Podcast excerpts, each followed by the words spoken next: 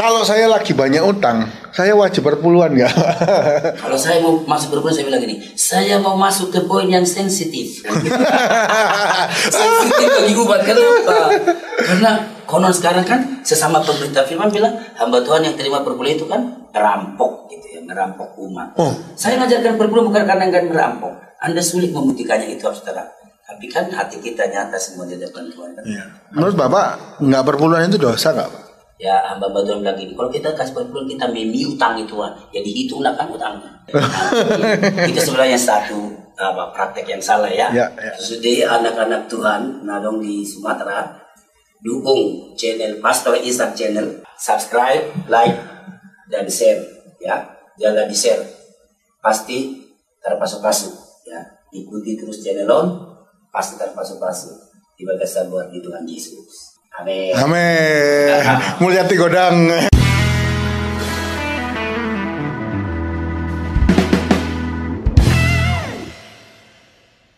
Shalom, Bapak Saudara, puji Tuhan kita bertemu kembali dalam kasih Tuhan lewat online hari ini dalam podcast Pastor Ishak. Bersama saya seorang hamba Tuhan yang luar biasa yang saya kasih sebagai Bapak rohani saya yang membimbing saya masuk ke dalam pengalaman-pengalaman rohani yang luar biasa. Ialah beliau Bapak Koktondi. Terima kasih sudah hadir di sini di podcast Pastor Ishak. Ya, Bapak Koktondi ini puji Tuhan kita ketemu di sekolah teologi, bahkan Bapak Koktondi membimbing saya di skripsi saya, salah satunya ya, membantu saya. Dan sekarang Pak Koktondi sudah gelarnya dokter, betul? Wah puji Tuhan, dokter teologi ya. Oke, kita hari ini membahas tema yang sangat menarik yang lagi viral di sosial media yang membingungkan banyak orang Kristen, yaitu tentang buah sulung dan perpuluhan. Ada yang berkata buah sulung itu wajib, ada yang berkata perpuluhan itu nggak perlu. Hari ini kita bahas yang perpuluhan, eh, bahas yang buah sulung dulu aja ya. Buah, buah sulung menurut Pak Goktondi itu diwajibkan apa tidak? Buah sulung kalau kita hanya diwajibkan apa tidak kita harus lihat dalam perjanjian lama dan perjanjian baru. Ya. Nah kalau di perjanjian lama kita lihat jelas bahwa buah sulung itu diwajibkan. Di mana orang Israel harus mempersembahkan hasil pertama dari pertanian dan peternakannya, termasuk juga anak sulung itu Oke. dalam milik Tuhan harus dipersembahkan. Namun di perjanjian baru tidak di, eh, diwajibkan seperti di perjanjian lama, tapi bukan berarti dilarang dilaksanakan. Ya. Jadi orang yang melaksanakan buah sulung di perjanjian baru juga tidak dilarang, tapi tidak diwajibkan seperti konteks PM. Ya. Demikian Pastor. Oh gitu ya. Jadi eh, termasuk juga memberi anak sulung untuk melayani Tuhan. Seperti kisah Samuel, betul ya Pak ya. Benar. Kisah Samuel, Ibu Hana yang anak pertamanya Samuel diberikan untuk melayani Tuhan. Itu termasuk buah sulung. Buah sulung cuma memang kalau Samuel konteksnya anak yang dinasarkan. Tapi lepas dari dinasarkan memang buah anak pertama itu adalah milik Tuhan itu dalam Yes. orang Israel. Ya, anak pertama itu milik Tuhan. Ya, Juga hasil pertama. hasil pertama juga. Nah, kira-kira bentuknya gimana? Sepengetahuan Bapak Koktondi. Ya. Kalau untuk orang yang hidup di konteks peternakan pertanian lebih mudah sih menurut saya ya penerapannya. Bagaimana mempersembahkan buah sulung. Nah bahkan mama saya sendiri, saya ingat saya selama saya di Sumatera, dia selalu mempersembahkan buah sulung. Ya. Jadi ternak itu misalnya karena ternaknya kami babi ya, sorry. Jadi, enak itu, enak. Ah, itu kan nggak beranak satu ya. Ya. Jadi kalau andai kata babi beranak satu, ya anak, anak pertama dari babi induk yang satu itu kita serahkan kepada Tuhan. Tapi kalau mama saya, jadi selalu dia pilih anak eh, babi beranak yang terbaik, yang terbesar dari tujuh misalnya anaknya tujuh, Ya. itu selalu dikhususkan untuk hamba Tuhan. Dan penerapannya itu jadi tiap beranak itu mesti diserahkan satu untuk hamba Tuhan. Demikian juga pertanian padi jadi padi yang lebih dulu menguning. Nah itu kita tuai lebih awal. Kita serahkan dulu ke hamba Tuhan, baru penuaian selanjutnya dilaksanakan. Kalau saya lihat di konteks Israel sama juga. Hmm. Jadi bukan pemberian seluruh gandum yang dituai, Ya. tapi seberkas gandum yang pertama itu Oke. diserahkan sebagai pengucapan syukur kepada Tuhan. Oke, berarti kalau eh, umpama tadi ternak ya, Ya. anak pertama pasti diserahkan untuk Tuhan. Tapi anak-anak berikutnya umpama anak 3, 4, 5, 6 itu untuk kita. Kita. Oh, seperti itu. Kalau anaknya banyak, pilih yang terbaik itu buah sulung. Ya. Nah, kalau uh, pertanian yang duluan ranum. Iya, yang duluan ranum. Oh, gitu. Kalau dikontekskan ke sekarang, Pak, kan saya dengar ini ada yang berkata buah sulung itu penghasilan bulan Januari. Katanya yang sulung itu Januari, Pak. Nah, jadi Januari harus semua diberikan kepada uh, Tuhan sebagai buah sulung. Menurut Bapak bagaimana? Oh iya, karena kalau konteks sekarang kan apalagi kita di perkotaan bukan konteks pertanian dan peternakan. Hmm. Sebenarnya menurut saya sih tidak ada kewa, keharusan harus buah sulung. Hmm. Tapi kalau melakukan buah sulung juga, nah itu tidak dilarang. Tapi kan kita melakukannya akhirnya dengan sesuai dengan pemahaman kita. Ya. Jadi yang saya lihat itu ada berbagai praktek. Hmm. Tapi yang paling umum saya tahu saya praktek buah sulung di gereja masa kini ini misalnya gaji pertama dan yang termasuk saya gembala pernah terima. Ya. Jadi ketika ini lulus kuliah gitu ya, kerja pertama kali, gaji pertama itu diserahkan ke kita. Kalau pindah kerja nggak dikasih lagi. Jadi apa nih ya berbagai ekspresi pelaksanaan ya. ya. Jadi penerapannya berbeda. Ada yang pindah kerja gaji pertama di situ kasih, kasih lagi. Hmm. Nah kalau gitu nanti pendetanya berdoa supaya pindah-pindah kerja. supaya mudah balik Tapi saya ngomong dari yang paling umum. Ya. Mostly. Jadi orang itu pertama kerja itu diserahkan. Nah, itu yang paling banyak penerapan buah sulung di perjanjian baru ini ya, yeah. di masa kita sekarang. Ada juga satu dua orang yang memang uh, dengan imannya yeah. tanpa disuruh hamba Tuhan. Yes. Jadi dengan imannya dia mempersembahkan uh, uh, gaji pertama setiap Januari. Yeah. kalaupun saya didengar tante saya, tante saya selalu bersaksi ke saya, dia memang sangat diberkati Tuhan. Dia cerita ke saya, setiap gaji Januarinya dia nggak sentuh. Ya. Tapi bukan karena disuruh hamba Tuhan. Dia merasa dia beriman ingin mempersembahkan itu kepada Tuhan. Tapi ya. diwajibkan di gereja. Nggak wajib, tapi ini gerakan hati kita. Gerakan hati kita. Ingin memberi kepada Tuhan. Saya waktu dulu pertama kali ngajar gitar pertama kali ya masih gaji kecil ya lima puluh ribu sebulan itu saya kasih buah sulung untuk Tuhan. Jadi mungkin kalau sederhananya mungkin kita pertama kali kerja itu dari pekerjaan itu hasilnya kita kasih buat Tuhan seperti itu ya.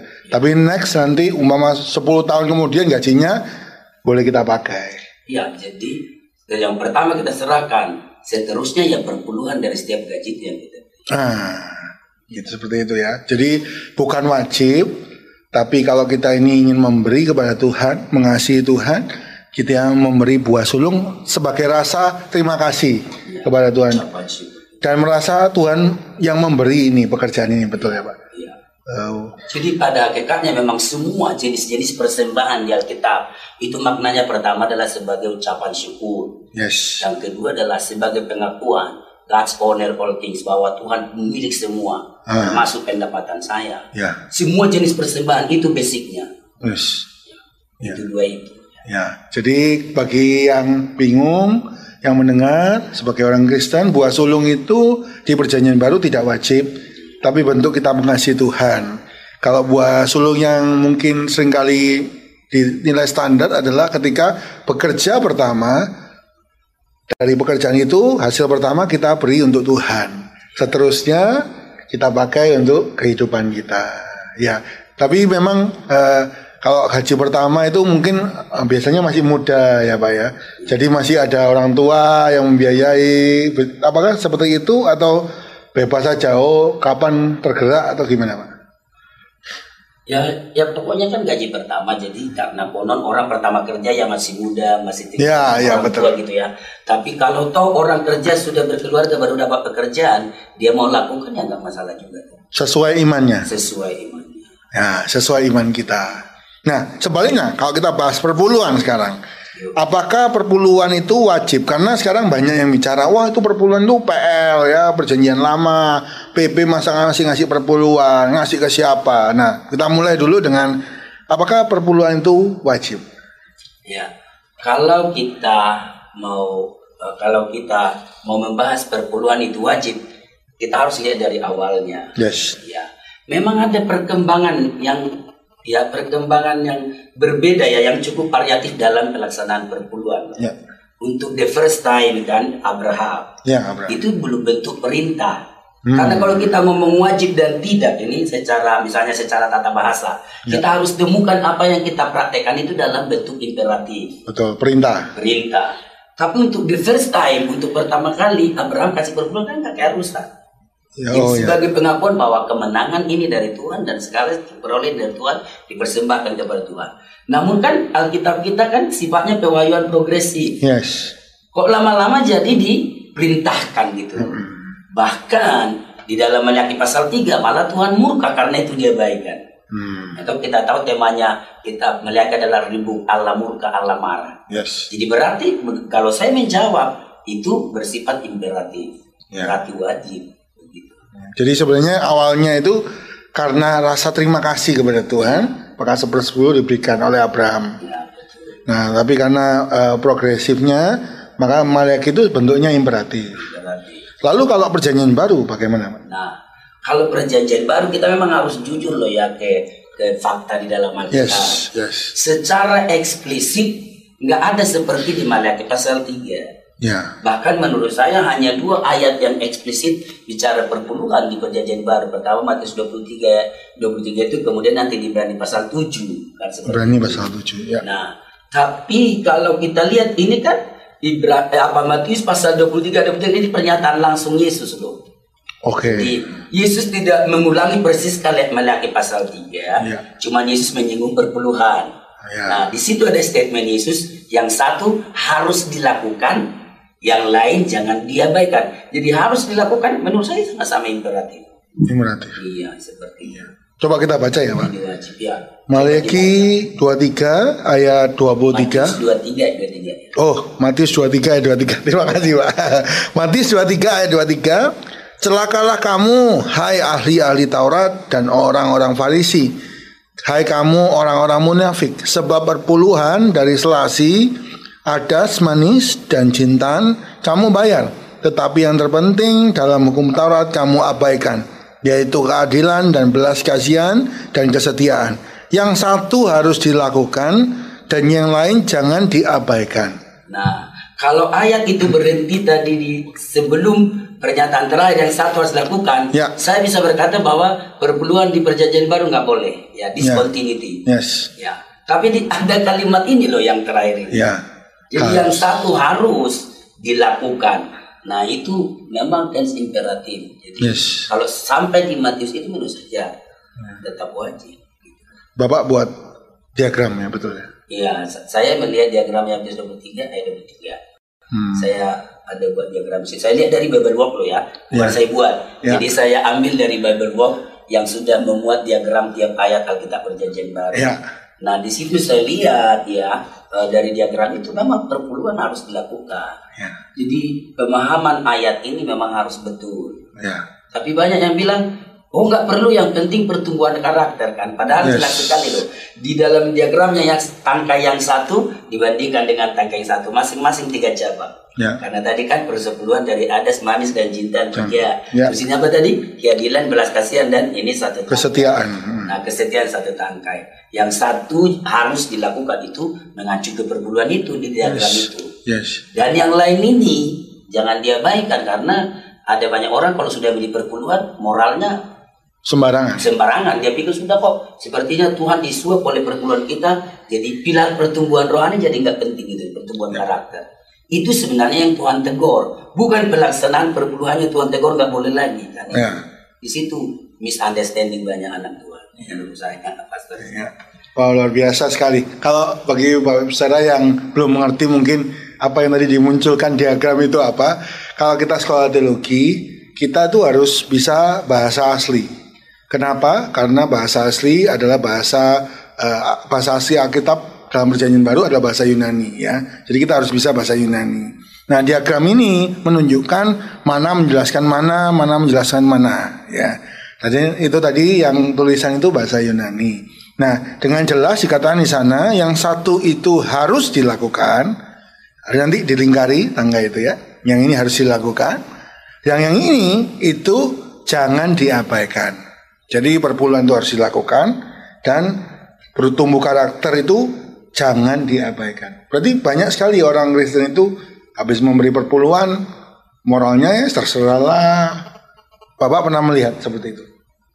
Ya dari obrolan karena mungkin ya jadi ada bilang "Sa- tapi saya sudah kasih perpuluhan loh pak pendar tegur kita tegur pelanggarannya ya misalnya ini selingkuh misalnya ya apa nggak boleh gini tapi saya kasih perpuluhan loh loh kita kasih perpuluhan itu bukan menutup dosa kita Ya. itu ketaatan melakukan firman. Jadi kita ini kan hidup di hadapan Tuhan ini banyak pilar yang harus Yes. ya semua terbangun dengan baik. gitu. Ya.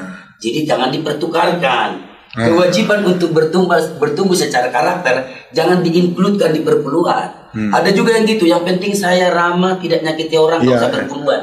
Jadi ini kan kita suka melebur dua pilar dari Tuhan kita buat jadi satu. Itu Ya. salah menurut saya. Jadi sa- satu berarti yang satu, satu yang Iya, berarti yang lain. Yang lainnya. Iya. Yang parah nggak mau dua-duanya. ada ada ya Pak. Kamu dua-duanya. Jadi penting sekali kita menguatkan dua pilar ini yaitu satu bagian adalah perpuluhan, satu bagian adalah pertumbuhan karakter. Nah, kalau menurut Pak Hotoni, perpuluhan ini dikasihkan ke siapa? Karena saya banyak dengar itu, wah mana buktinya hamba Tuhan sekarang itu keturunan Lewi atau ada yang ngasih perpuluhan untuk orang-orang miskin dibagi-bagi. Bagaimana seharusnya, Pak? Oke, kalau saya sih kan kita mesti berpatok kepada ayat yang paling eksplisit ngomong perpuluhan ya. Ya. Maliaki 3 10. Bawalah segala persembahan persepuluhan itu ke rumah perbandaran, Ya. rumah Tuhan. Ya. Nah, jadi kalau di perjanjian lama rumah Tuhan, ya ke perjanjian baru juga ya rumah Tuhan. Ya. Lagian kita lihat di praktek gereja mula-mula, orang-orang percaya Hmm. yang konon kan lebih dari sepersepuluh, kadang 100 persen. Ya. Seperti dalam kasus uh, Ananias. Barnabas mau memberi, lalu Ananias mau meniru, Nah, Mereka kan iya, iya, mau iya. memberi seluruhnya. Nah jadi itu tetap ke rumah Tuhan, gitu loh. Kenapa? Memang rumah Tuhan di perjanjian lama ya perjanjian baru ya rumah Tuhan juga itu eklesia. Apa itu komunitas bisa termasuk rumah Tuhan, Pak? Komunitas atau harus bentuk gereja atau bagaimana? Kalau kita ngomong gereja kan fellowshipnya gitu ya, fellowshipnya. Jadi bukan bangunannya. Ya. Walaupun bangunannya nggak model gereja, tapi kalau di situ ada sistem pemeliharaan umat Tuhan yang rutin memang ya pemeliharaan, pem- pemuritan, penggembalaan. Ya saya rasa nggak apa-apa karena masih banyak gereja yang eh, komunitas yang Ya. tidak berbentuk gereja. Tapi itu komunitas rutin, bukan lihat dan bukan situasional loh ya. Oh iya, ya betul. Bukan yang temporal kadang buka satu bulan terus tutup hilang lagi.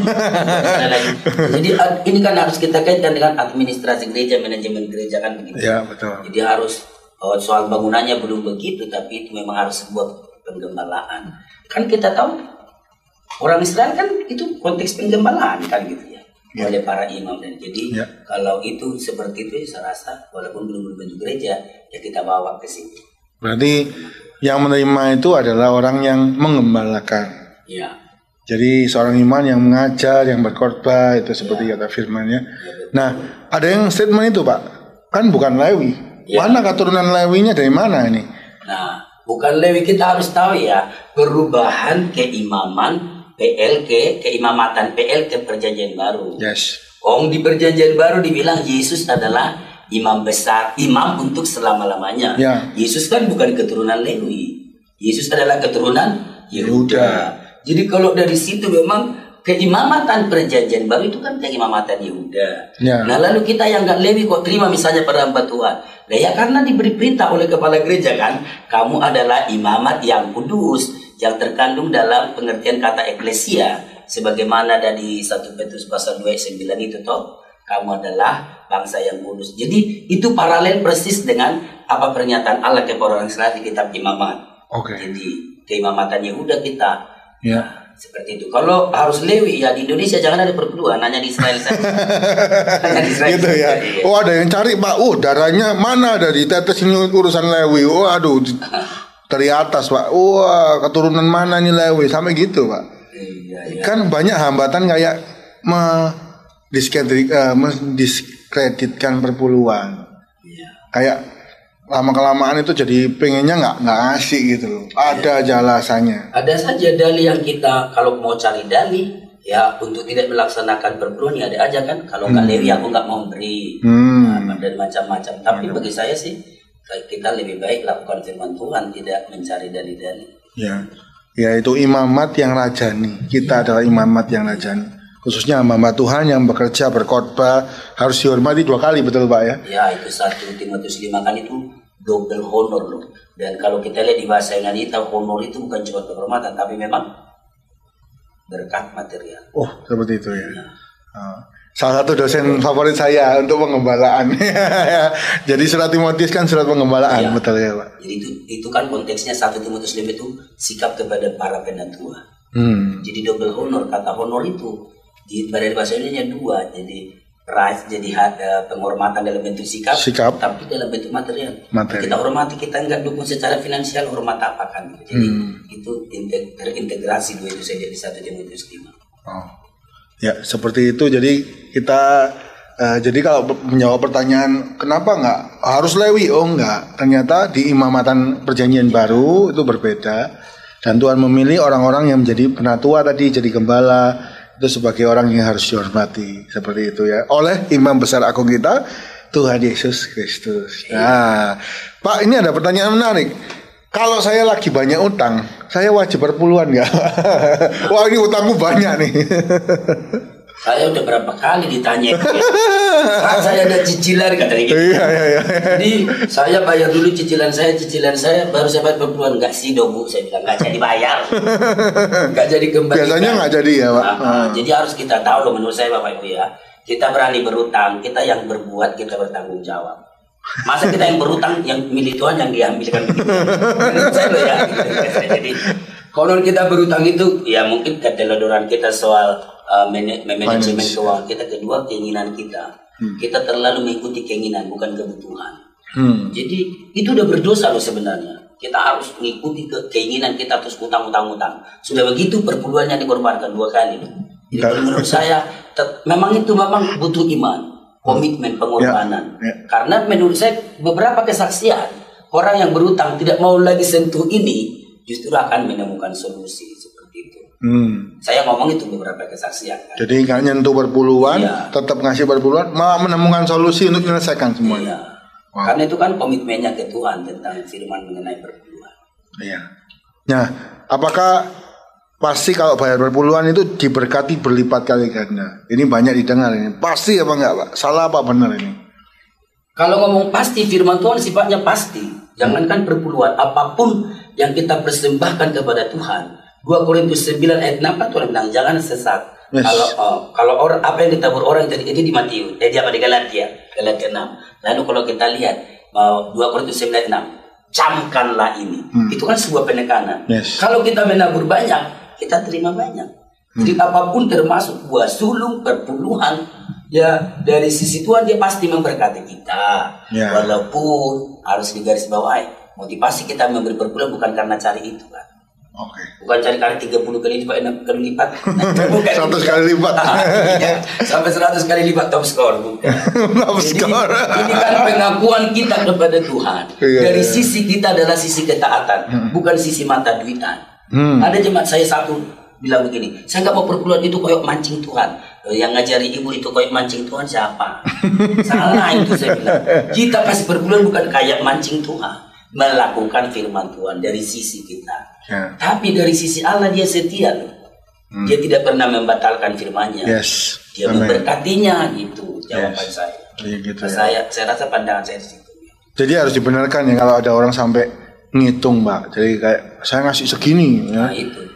Harusnya 100 kali lipat itu segini gitu. Kapan ini turunnya gitu, Pak? Ya memang mungkin karena ada ya se apa ya dengan bahasa yang kiasan ya hamba Tuhan bilang gini kalau kita kasih perpuluhan kita memiutang Tuhan ya dihitunglah kan utangnya jadi utangnya Tuhan mungkin karena mungkin apa pemilihan bahasanya kami hamba Tuhan ini untuk menekankan iya. pentingnya pesan kata memiutangi lalu ada yang menghitung-hitung berarti iya. utang Tuhan udah sekian nah, itu sebenarnya satu apa praktek yang salah ya, ya, ya. dalam memberi jadi harusnya itu karena ketaatan ya.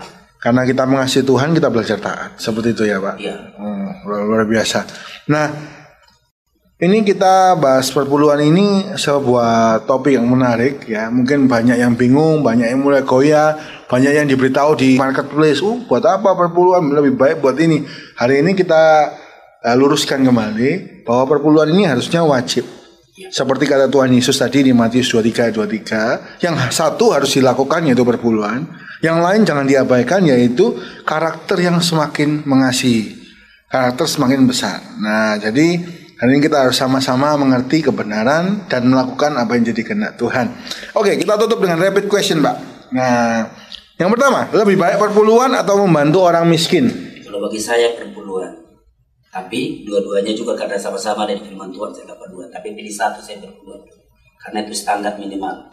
Gitu ya, Pak ya. Ya, menurut saya bagi saya. Hmm. Nah, saya kemarin ada dengar sharing eh, bahwa di perjanjian baru itu harusnya Tuhan nggak minta 10% tapi minta 100% yaitu hidup kita.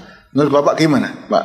Nah, memang itu. Jadi kan ada pernyataan bahwa perpuluhan itu sudah discontinuity di PB. Ah, Jadi maksud eh, kalau saya berkata bukan discontinuity, tapi memang kita harus akui di PB mereka karena kalau orang PL dengan pengharapan mesianis kasih 10%. Ya. Orang PB yang sudah melihat Mesias, Mesias datang, Yes. sudah mati bagi dia, Ya. merasa 10% terlalu kecil. Ya. Jadi jangan gini loh, PL ke PB bukan dari 10% jadi ke nol. Ah, Tapi 10% ini praktek kerja mula-mula kan. Ya, ya. Kayak 20%, 30% sampai 100%. Saya punya dua anak Tuhan yang selalu saksi ke saya, oh dia selalu kasih 20%.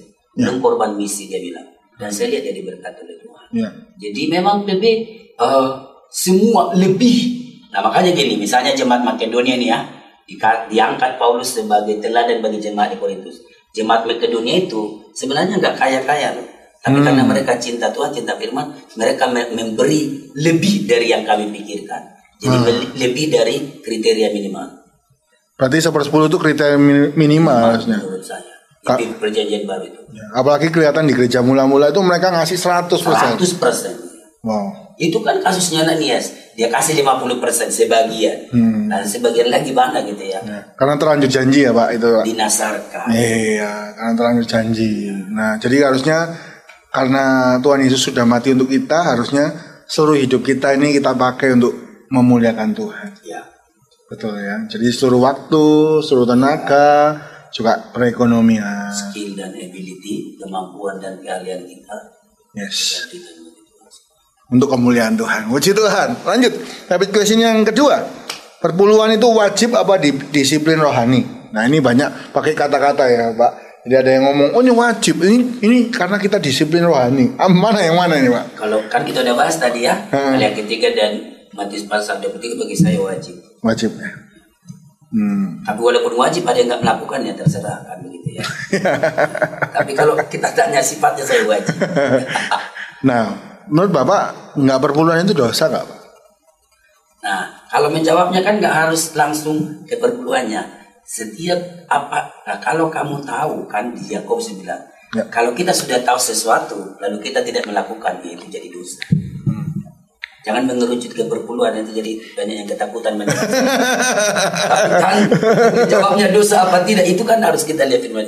Kalau kau, kau- kamu tahu harus berbuat baik misalnya, menuruti firman Tuhan kan baik. Ya. Hati nurani kita tahu bahwa itu harus dilakukan, kita Ya. tidak lakukan. Ini sudah bagi dosa bagi kita. Ya. Dalam keraguan-raguan tidak bayar perpuluhan tapi keraguan-raguan. Ya. Tak bagus jadi lebih kita lakukan. Nah ini yang juga em, dilema ya Pak. Karena kita kalau memuridkan, kalau sampai di fase kita mengajar perpuluhan itu sebenarnya kayak mata duitan. Ya. Padahal itu firman Tuhan gitu seperti itu. Itu dilemanya di situ ya Pak. Itu memang dilema. Makanya saya kalau khotbah ya Pastor Ustaz selalu saya bilang, kalau saya mau masuk perpuluhan saya bilang gini, saya mau masuk ke poin yang sensitif. Ya kan? sensitif bagi umat kenapa? Karena konon sekarang kan sesama pemerintah firman bilang hamba Tuhan yang terima perpuluhan itu kan perampok gitu ya, merampok umat. Oh, nah, iya, saya dengar itu. Iya iya betul betul Jadi betul. perampok. Nah, padahal itu firman Tuhan gitu loh. Hmm. Nah, Iya iya iya. Jadi istilah perampok itu sangat keras ya Pak. ya? Iya, jadi membuat orang jadi dalam keraguan-raguan, Iya. orang dalam keraguan-raguan. Tapi saya mau berkata bahwa sebagai umat Tuhan, ayo lihat Alkitab lah gitu kan. Iya iya iya. Lihat Alkitab. Khotbah saya juga, pandangan-pandangan saya saudara uji berdasarkan Alkitab. Yes. Supaya kita confidence untuk melakukan. Yes. Nah, mungkin apakah karena eh, hamba-hamba Tuhan sendiri yang kayaknya terlalu over ya, Pak ya? Saya kalau masalah itu memang harus terbuka ya, mungkinnya. Jadi setelah hamba Tuhan eh, mendapat perpuluhan, eh, bagaimana dia menggunakannya, mungkin Ya. kalau itu bisa dikoreksi. Tapi jangan karena kita mau mengoreksi gaya hidup hamba Tuhan yang mungkin hedonisme dan semua Ya, itu, ya, ya. jangan jadi firman yang dibatalkan gitu loh. Ya. Kalau itu kita harus sangat terbuka sebagai hamba Tuhan. Dan cuman ya satu catatan saya, saya lihat semua yang memprotes tidak berpuluhan, sorry ya sorry, itu bukan tidak punya jabatan gembala Hmm. kebanyakan. Hmm. hmm. Ya. Lihat. Mungkin dia bernama evangelis atau cuman guru kah, jadi ti- tidak memimpin satu umat. Ya. Tapi gembala itu akan menjadi satu kebingungan. Kita ini mau ngikuti itu atau memuridkan orang untuk firman kan? Iya betul. Jadi kita mengajarkan perpuluhan bukan karena kita nggak takut makan itu. Ya. Jadi sorry bagi yang bilang kita perampok terus takut makan, mencintai diri sendiri. Hmm. Ya. Sekarang misalnya saya bilang gak usah perpuluhan gitu. Hmm. Firman ini terabaikan gak umat tanggung jawab kita loh. Iya makanya. Itu karena tanggung jawab bukan karena kita matre kan gitu ya. Sebagai hamba Tuhan. Itu dilemanya sekarang. Ya. Nah kalau seumpama ada seorang berkata, wah aku kalau perbulan di sini hamba Tuhannya terlalu hedon. Saya geser ke gereja lain untuk perpuluhan. Nah itu kasus lain lagi. Boleh nggak Pak?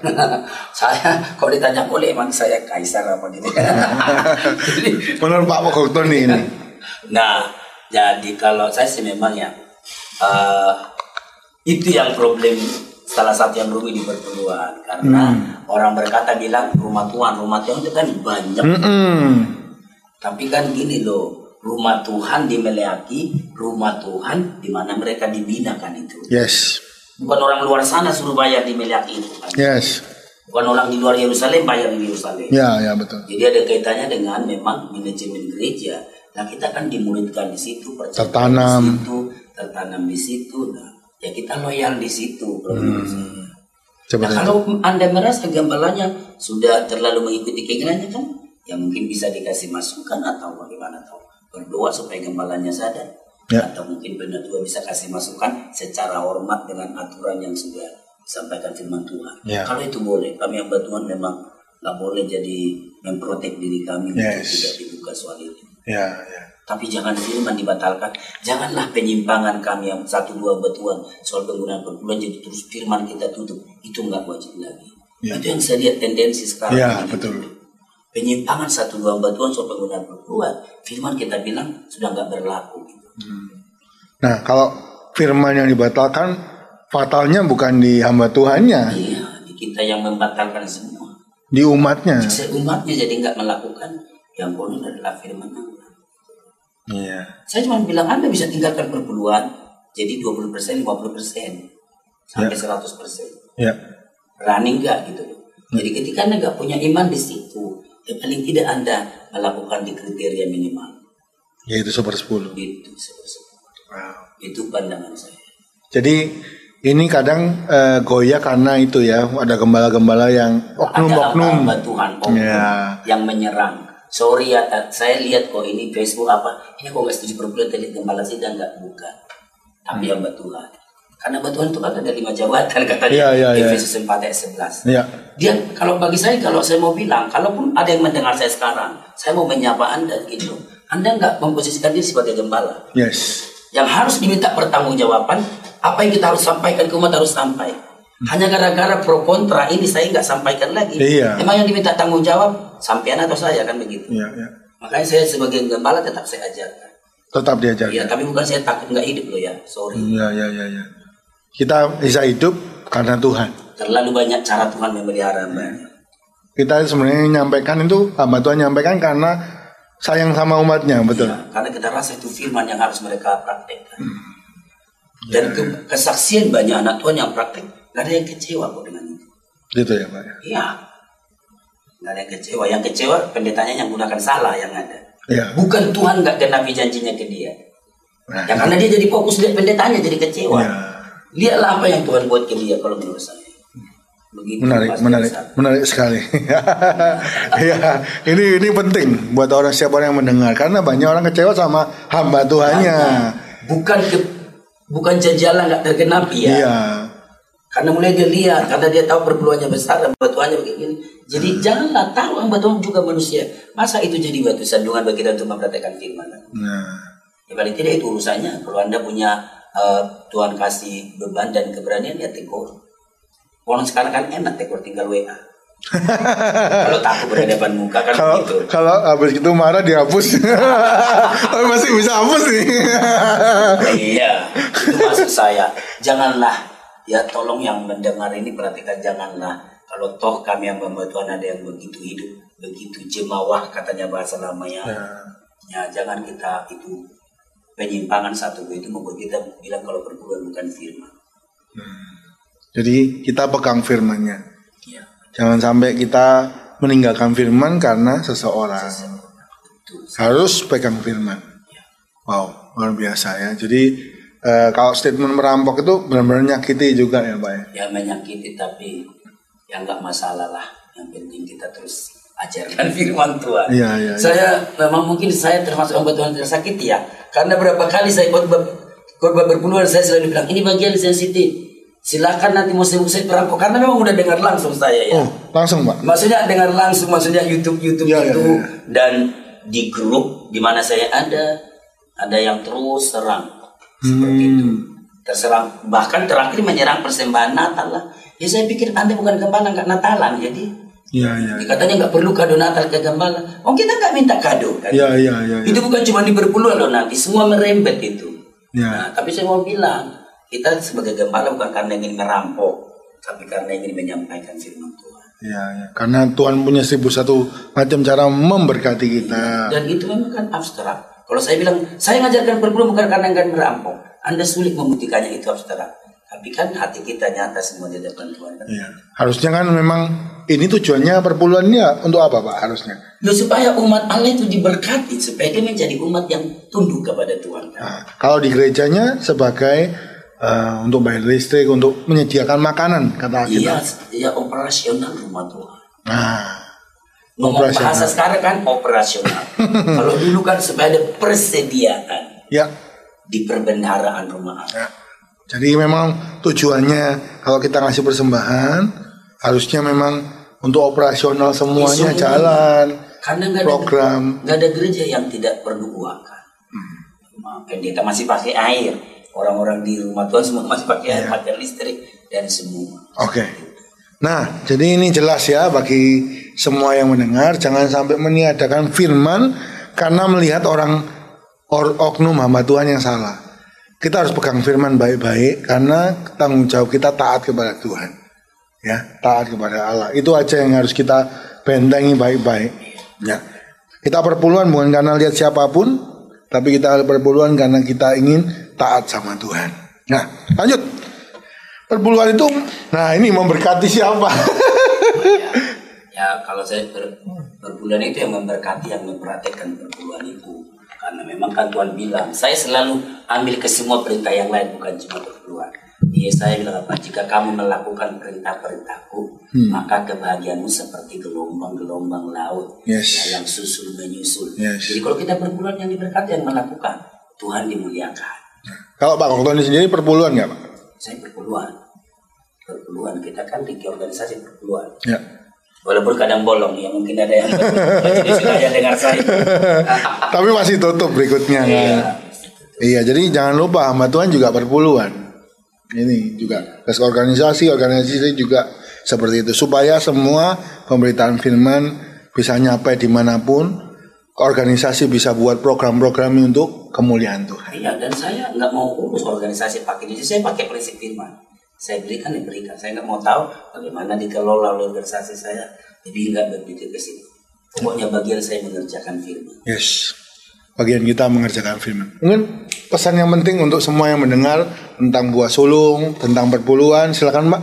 Ah, bagi semua anak Tuhan di mana pun ah, memberi buah sulung dan berpeluang jelas-jelas kita lihat ya firman Tuhan ya Bapak Ibu Saudara itu sebabnya terus kita lakukan karena ada janji Tuhan firman yang mana pun bukan cuma berpeluang yang mana pun termasuk perpuluhan dan buah sulung kita kerjakan itu akan ah, membuat kita menyenangkan hati Tuhan dan kalau Tuhan disenangkan dia akan memberkati kita jangan pernah goyah karena pro kontra jangan hidup di pro kontra hiduplah di kebenaran firman Tuhan. Yes. Itu yang dapat saya pesankan.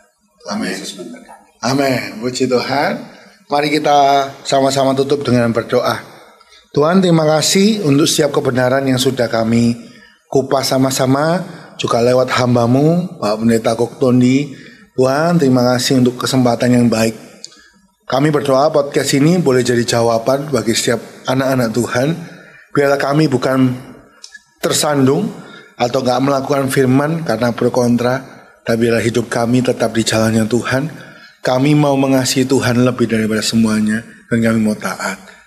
Tuhan bawa setiap orang yang mendengar kepada pribadimu, kepada mengasihi engkau lebih dekat lagi, lebih mengasihi engkau lagi. Dan biarlah tahu apa yang jadi kehendakmu. Bukan dari kata orang, bukan dari kata hamba Tuhan. Tapi tahu isi hati Tuhan sendiri, pribadi Allah sendiri.